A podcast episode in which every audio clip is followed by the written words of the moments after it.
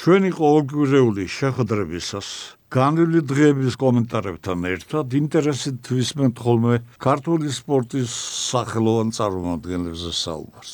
ორი კვირის წინ ლევან თედიაშვილის დიდი მიღწევები გაიხსენა და ჭიდაობის პელე უწოდა 75 წლის იუბილეს ორგზის სოფლიო ჩემპიონმა გურამ საღარაძეს. ოთხშაბათს ლევან თედიაშვილის შობლიურ საგარეჯოში გამართულ საღამოს ამბებს ახლა ეროვნული ოლიმპიური კომიტეტის პირველი ვიცე-პრეზიდენტი ელგოჯა ბერიშვილი გვიამბობს. მივესალმები ჩვენს მსმენელებს.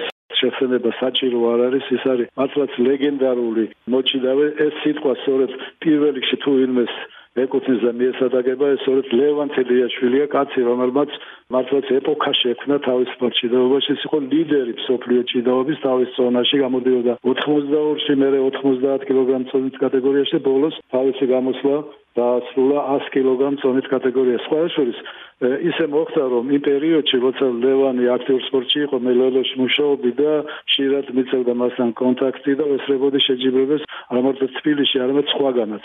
გარდა ორგზის ოლიმპიური ჩემპიონი, ეს იყო ხუთი სოფლიო ჩემპიონი, ერთი ოქროს მედალი მან სამბოში მოიპოვა, ეს ასე უნიკალური შემთხვევა, ერთდროულად მიდიოდა ეს შეჯიბრებები უბრალოდ მიყოლებით, ჯერ ბერძნულმა მოვიჭიდაობა, მე თავისუფალი და სამბო და მოხდა ესე რომ ლევანი ჩართეს იქ ერთი სპორტსმენი შეუძლოდ გახდა და ლევანმა ერთ კვირაში მოიგო სოფლიოს ორი ჩემპიონატი თავისუფალში და მერე სამბოში ჩვენ ლევანის ჯანმრთელობის პრობლემებთან დაკავშირებით არ მოგვეცა შესაძლებლობა თბილისში ოლიმპიური კომიტეტში უფრო ფართოდ აღვნიშნა ეს დღე, მაგრამ მიუხედავად ამისა, ალტერნატიული შესაძლებლობა გამონახეთ თავად ვეწვიეთ იქ საგარეჯოში და ადგილობრივი მერის თანაორგანიზებით შევკრიბეთ იქაური საზოგადოება კულტურის სახლში და მოეწყო ეს შვენიერი საიუბილეო საღამო,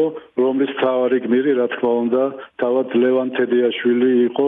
მინდა ასევე გითხრათ, რომ ვიდრე აი შეხედვა შედგებოდა ოლიმპიური კომიტეტის ხელმძღვანელობა, შოთა ხაბარელი, დავით გობეჯიშვილი, ოლიმპიური ჩემპიონები, ასევე რა თქმა უნდა, ლერი ხაბილოვი, ვიყავით დიდი ფალავნის, საგარეჯოელი ფალავნის იმედონაში ოლიმპიური ჩემპიონის არსენ მეკოკიშვილის საფლავზე, სწორედ 12 აპრილი არის მისი დაბადების დღე, 111 წლის გახდებოდა და იქიდან მოუბრუნდი და მე გაიმართა ეს შეხვედრა, რომლის შესაძლებელად მე დავიწყე საუბარი.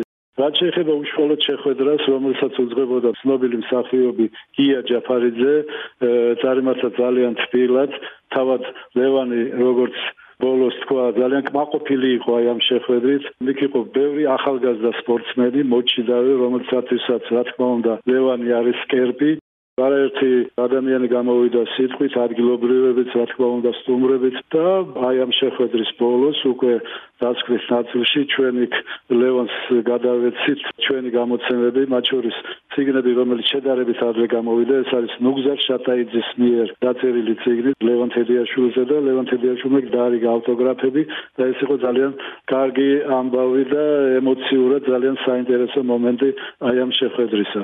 ჩვენ რა თქმა უნდა ოლიმპიურმა კომიტეტმა ბატონმა ლერიმ ლევანს გადასცა საიუბილეო დიპლომი და ასევე ჩვენი მედალი და პრემიაც რომელიც ჩვენი მედი გვაქვს რომ გამოადგება და გამოიყენებს ჯანმრთელობის პრომარეობის გასაუმჯობესებლად მოკლედ ესეთი ერთდროულად სასიამოვნოც, მაგრამ სევდიანი დღე გამოვიდა, სწორედ აი ამ პრობლემების გამო, რომლის შესახებაც მე უკვე ვისაუბრე. მე გამახსენდა ლევან თედიაშვილის დიდი სპორტიდან შტამბეშტავი გაცილება, რომელიც თბილისის სპორტის სასახლეში მოეწყო დიდი ხნის წინ და ტელერეპორტაჟი თელმა საქართველოს ნახა. დღეს კიდევ ერთ სახელოვან იუბილეზე ვისაუბროთ, მაგრამ მანამდე ჩვენს ბათუმელ მიმოხილველს გიაცანავს მოусვინოთ. მოგესალმებით, მე ვესალმებით ჩვენს რადიოს მონიტორს. ჩვენი დღევანდელი საუბარი მინდა დავიწყო ეროვნული ლიგის ჩემპიონატის მატჩით ბათუმში. გაიმართა ეს მატჩი, ლიდერები შეხვდნენ ერთმანეთს, ბათუმის დინამომ, უმასპინძლად თბილისის დინამომ და ამ შეხვედრამ როგორც ყოველთვის ძალიან დიდი ინტერესი გამოიწვია სტადიონი თითქმის შევსებული იყო და ყველანი ელოდა კარგ თამაშს და ნუ ასე თუ ისე ეს თამაში შედგა. ბურთი ბათუმელებმა გაიტანეს პირველი ბურთი მე უცებ მეორეც მოყვა სხვათა შორის ძალიან გაიგი ბურთები გავიდა და შემდეგ მოხდა ისეთი რამ რაც როგორც მივხვდი და გავიგე არ მიყვარს ამაზე ლაპარაკი მაგრამ საჯიშეცნობა იყო. მეორე ყვითელი უჩვენეს ბათუმეფეს ბურთებს მე ვფიქრობ დაუმსახურებლად აბსოლუტურად. პირველი ტაიმის ბოლოს ბათუმელები დარჩნენ 10 და მოგეხსენებათ ისე სერიოზულ მეტოქესა როგორც თბილისის დინამოა კაც ნაკმული თამაში ძალიან რთულია და ძალიან გაუჭირდათ მათობელებო და ეგიდან გამომდინარე ორი ბურთიც მიიღეს. ეგ არის კარგმა თამაშმა ცველების თამაშმაც და თავგანწირვა მოახერხეს ისე რომ თამაში პრემდე მიეყვანათ და ეს თამაში ფრედ ორი ძორი დამთავრდა. პრაქტიკაცი თამაში ისეთ მეტოქესა როგორც თბილისის დინამოა ძალიან რთულია შეიძლება ჩვენ ვწევით შეიძლება საჯიჩეცნა მაგრამ ესეც ფეხბურთის სტაცილია რომლის გარშე არ არსებობს საჯიჩა ადამიანები და აქედან გამომდინარე შეცდომა შეიძლება მოვიდეთ.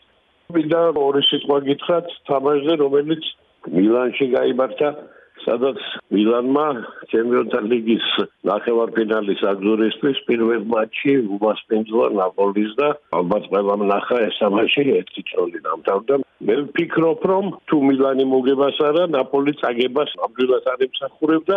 მედი ნეაპოლში გადაწყდება მე რატომღაც ვჯერა და ასეც მინდა და ჩემი ვარაუდია რომ ნაპოლის სრულად ხელეწიფება რომ ეს თამაში ლამაზად ჩაატაროს და თავის ასარგებლოდ გადაწყვიტოს თამაშის ბედი. ორი სიტყვა ხვიჩაზეც მინდა თქვა ხვიჩა როგორ ყოველთვის, როგორ ყოველთვის ძალიან ჭვიანურად, ძალიან ლამაზად თამაშობდა. მე მაინც მეჩვენება, რომ იმ შესაძლებლობის მქონე ფეხბურთელი, როგორც ხვიჩა კვარაცხელია, უფრო დატვირთული უნდა იყოს. განმეორებით შეხედა ნეაპოლში, ფიქრობ ოსიმენიც იქნება და ძალიან საინტერესო თამაში გველოდება. ძალიან საინტერესო და იმედი უნდა ვიქონიოთ, რომ ხვიჩა და ნეაპოლი ახევარფინალში ითამაშებენ. მინდა ორი სიტყვა თქვა სიტის და ბავარიის თამაშზე. სიტი ფამბილად არ ველოდი, პირწმინდად გაანიავა ბავარია. მე ვფიქრობ ინგულდისტრის როგორც ბავარია 13 ძალიან დიდი ანგარიშია. მივარაუდებ რომ სიტი ნახევარფინალში ითამაშებს. მე ვფიქრობ მადრიდის რეალით ახევარ ფინალშია და ამ ბარიერს გაივლის. ნუ საინტერესო თამაშები, ძალიან საინტერესო თამაშები გველის და დაველოდოთ მომდენო განმეორებით თამაშებს. დიდი მადლობა რომ კიდე ერთ მომენტში საშუალება ეს სობრა ამ თემაზე და წარმატება ქართულ ფეხბურთს, ქართულ სპორტს და რა თქმა უნდა ქართულ სპორტსმენებს და ქართულ ფეხბურთელებს. დიდი მადლობა, კარგი აფსაძები. სპორტის მოყვარულებმა რასაკვირველია იცით, რომ ქართული წყალბურთის თვალსაჩინო წარმოადგენელს საქვეყნოთ აღიარებულ მეკარეს ლერი გოგოლაძეს 85 წელი შეუსრულდა. რამდენიმე ათეული წლის წინ მისი თანაგუნდელები თბილისის დინამოელები ვლადიმერ ისელიძე და მორთას გულედანი. რადიომსხლის მირესალმები 85 წლის გახდა ჩვენი ლერი შესანიშნავი პიროვნება ყველა მიცის ყველასთვის ცნობილია რომ ლერი გოგოლაძე იყო შესანიშნავი მეკარე. 1960 წელს ლერი გახდა რომის ოლიმპიადაზე ვერცხლის პრიზიორი და ეცვლებოდა მსოფლიოში ერთ-ერთ საუკეთესო მეკარეს. ამის გარდა მინდა ვთქვა რომ მე მაგ პერიოდში არ თამაშობდი, ვადევნებდი თვალყურს, იმიტომ რომ მიყვარდა ეს სახეობა და ვიწყებდი ამ სახეობაში ვარდის და მქონდა ბედნიერება რომ 66-67 წლებში ლერისთან ერთად ვეთამაშა ჯერ სამოთა კავშირის პრიზიორები გავხდით, რინგავს მეტები ავიღეთ და ასევე ბრიჯავ ავიღეთ ხართა სპარტაკიადაზე 67 წელს. ლერი გოგოლაძე როგორც მეკარე გითხარით რომ იყო საუკეთესო სპორტის სამყაროში, წყალბურთის სამყაროში და ჩვენთვის ყველასთვის წყალბურთელებისთვის საამაყო იყო ის რომ ლერი იყო ესევე დიდებული მათემატიკოსი მისი მიღწევები მათემატიკის სფეროში არანაკლები იყო ვიდრე სპორტში და დროთა განმავლობაში მან აღზარდა არაერთი სოფლიო ჩემპიონი მათემატიკოსებს შორის. ვიამაყებოდა ჩვენი ლერიკო როგორც მეგობარი როგორც მეცნიერი როგორც სასიხადულო ქართველი. ყველანაირად შემოყოფილი თავისი ბუნებით თავისი ხასიათით თელი ვილი მომფერებელი ამავე დროს ძალიან პრინციპული. მოგეხსენებათ იყო მომენტები რომ ლერისთან ვიდიოდი თხოვდით რომ აი დახმარებოდით ვინმეს მათემატიკაში გამოსთა ჩაებარებინა და ლერი გამოსა კი რაზეა ლაბარაკი კი ყველაფერს გავაკეთე ოღონ უნდა ისწავლოს ეს ეს ეს ჩამოთვლიდა და ამ გვეუბნებოდა ლერი რომ არ შეიძლება ეს რა ისწავლოს იმიტომ რომ ისეთ დარს ეუფლება მათემატიკის გარშე არაფერი არ გაფოვავდა მაინც საბოლოო ჯამში თავისას მიაქცევდა ასწავლიდა და ისე უწერდა ნიშას აი ესეთი პრინციპული და ესეთი საყვარელი იყო ჩემი ლერიკო და არის და ღმერთმა დიდხანს ვიცოცხლოს მისი თავი ლერი გოგოლაძე არის ფენომენი. ფენომენი არის ის როგორც სპორტსმენი, ფენომენი არის ის როგორც მეცნიერი მათემატიკოსი, და ასევე ფენომენი არის როგორც მოქალაქე თავისი პოზიციით საქართველოს. ეხლა ვეთქვი როგორც სპორტსმენზე, ლერი გოგოლაძე თავის სპორტული კარიერის დროს უდიდესი როლი ითამაშა ქართული წყალბურთის ეროვნულ სპორტად ჩამოყალიბებაში. იმ პერიოდში შეიქმნა გუნდი, სადაც ასევე უძლიერესი მოთამაშეები იყვნენ, მაგრამ განსაკუთრებული როლი ენიჭებოდა ლერი გოგოლაძეს, ვინაიდან ის კარში, როდესაც იდგა, დემორალიზებას უკეთებდა მოწინააღმდეგის მოთამაშეებს და ისინი ფაქტიურად სადაც ვარჯიშობდნენ და მოზადებული ჰქონდათ, ის არაფერი არ გამოდიოდათ და პირიქით ჩვენ მოთამაშეებს ეს უსენდა ყველანაირი გზას და შემართებას საზრდა რომ შეეძიათ მოწინააღმდეგებსაც ის იყო უძლიერესი მეკარე და იმდენად მასზე ლეგენდები დადის და ერთ-ერთი ლეგენდა არის ასეთი უფროსურად სინამდვილე, როდესაც მოსკოვის სახელმწიფო უნივერსიტეტთან თამაშის დროს ჩვენს კარში პენალს უთამდა გამოჩენილი წყალბურთელი იყო კუზნეცოვი სპორტის დამსახურებული ოსტატი ტოკიოს ოლიმპიური მედლის მფლობელი, ბრინჯაოს მედლის მფლობელი და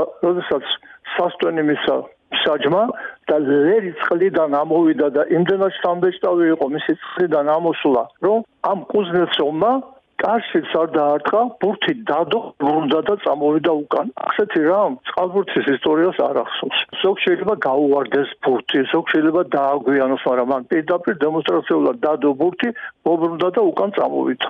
ეს საოცრება იყო და ლერი ასეთ რაღაცას ყოველთვის შედიოდა საბჭოთა ნაკრების თამაშის დროს. მისი თამაში, როდესაც საბჭოთა ნაკრებმა რომის ოლიმპიადაზე ერთხლის მედლები მოიპოვა, ლერის თამაში იყო ცხინვალე მონტენალის მოიგერია, კიმჩი ქონაიამ გაიტანა სამი ბურთი 4-დან და ფაქტიურად შემიძლია ვთქვა, რომ ქართველებმა მოიგეს ეს ერთხლის მედლები.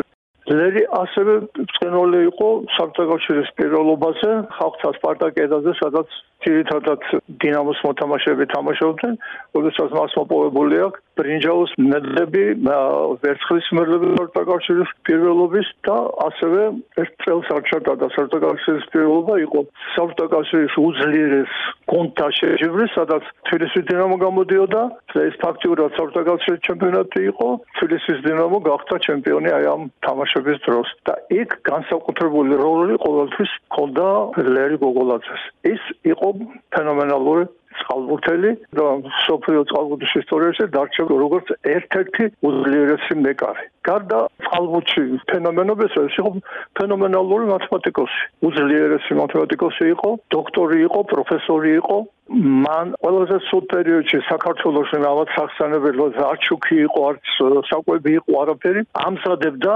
სოფლიო ოლიმპიადაზე ქართულ ახალგაზრდა მათემატიკოსებს და იქედან ჩამოიტანეს არაერთი ოქროს და ვერცხლის მედლები. მედლების garaშე არასოდეს არ დაბრუნებულა. და ლერი ამ ხალხს ამზადებდა თავისთან სახშეს მისი პოზიცია იყო რომ სადაც იყო ის ყოველთვის საოცრებს აკეთებდა და ასევე შემიძლია ვთქვათ, როგორც მოქალაქე თავის პოზიციის დროს, ეროვნულ გამათავისუფლებელი მოძრაობის დროს, მას ჰქონდა მტკიცე პოზიცია და აი აქ იდგა შუაგულში ყოველთვის. ახლა კი აღდგომის დღესასწაული მიულოცოთ ჩვენ იუბილარებს, მათ თაყვანისმცემლებს, რადიომსმენელებს და ერთი კვირით დაანშილოთ ერთმანეთს.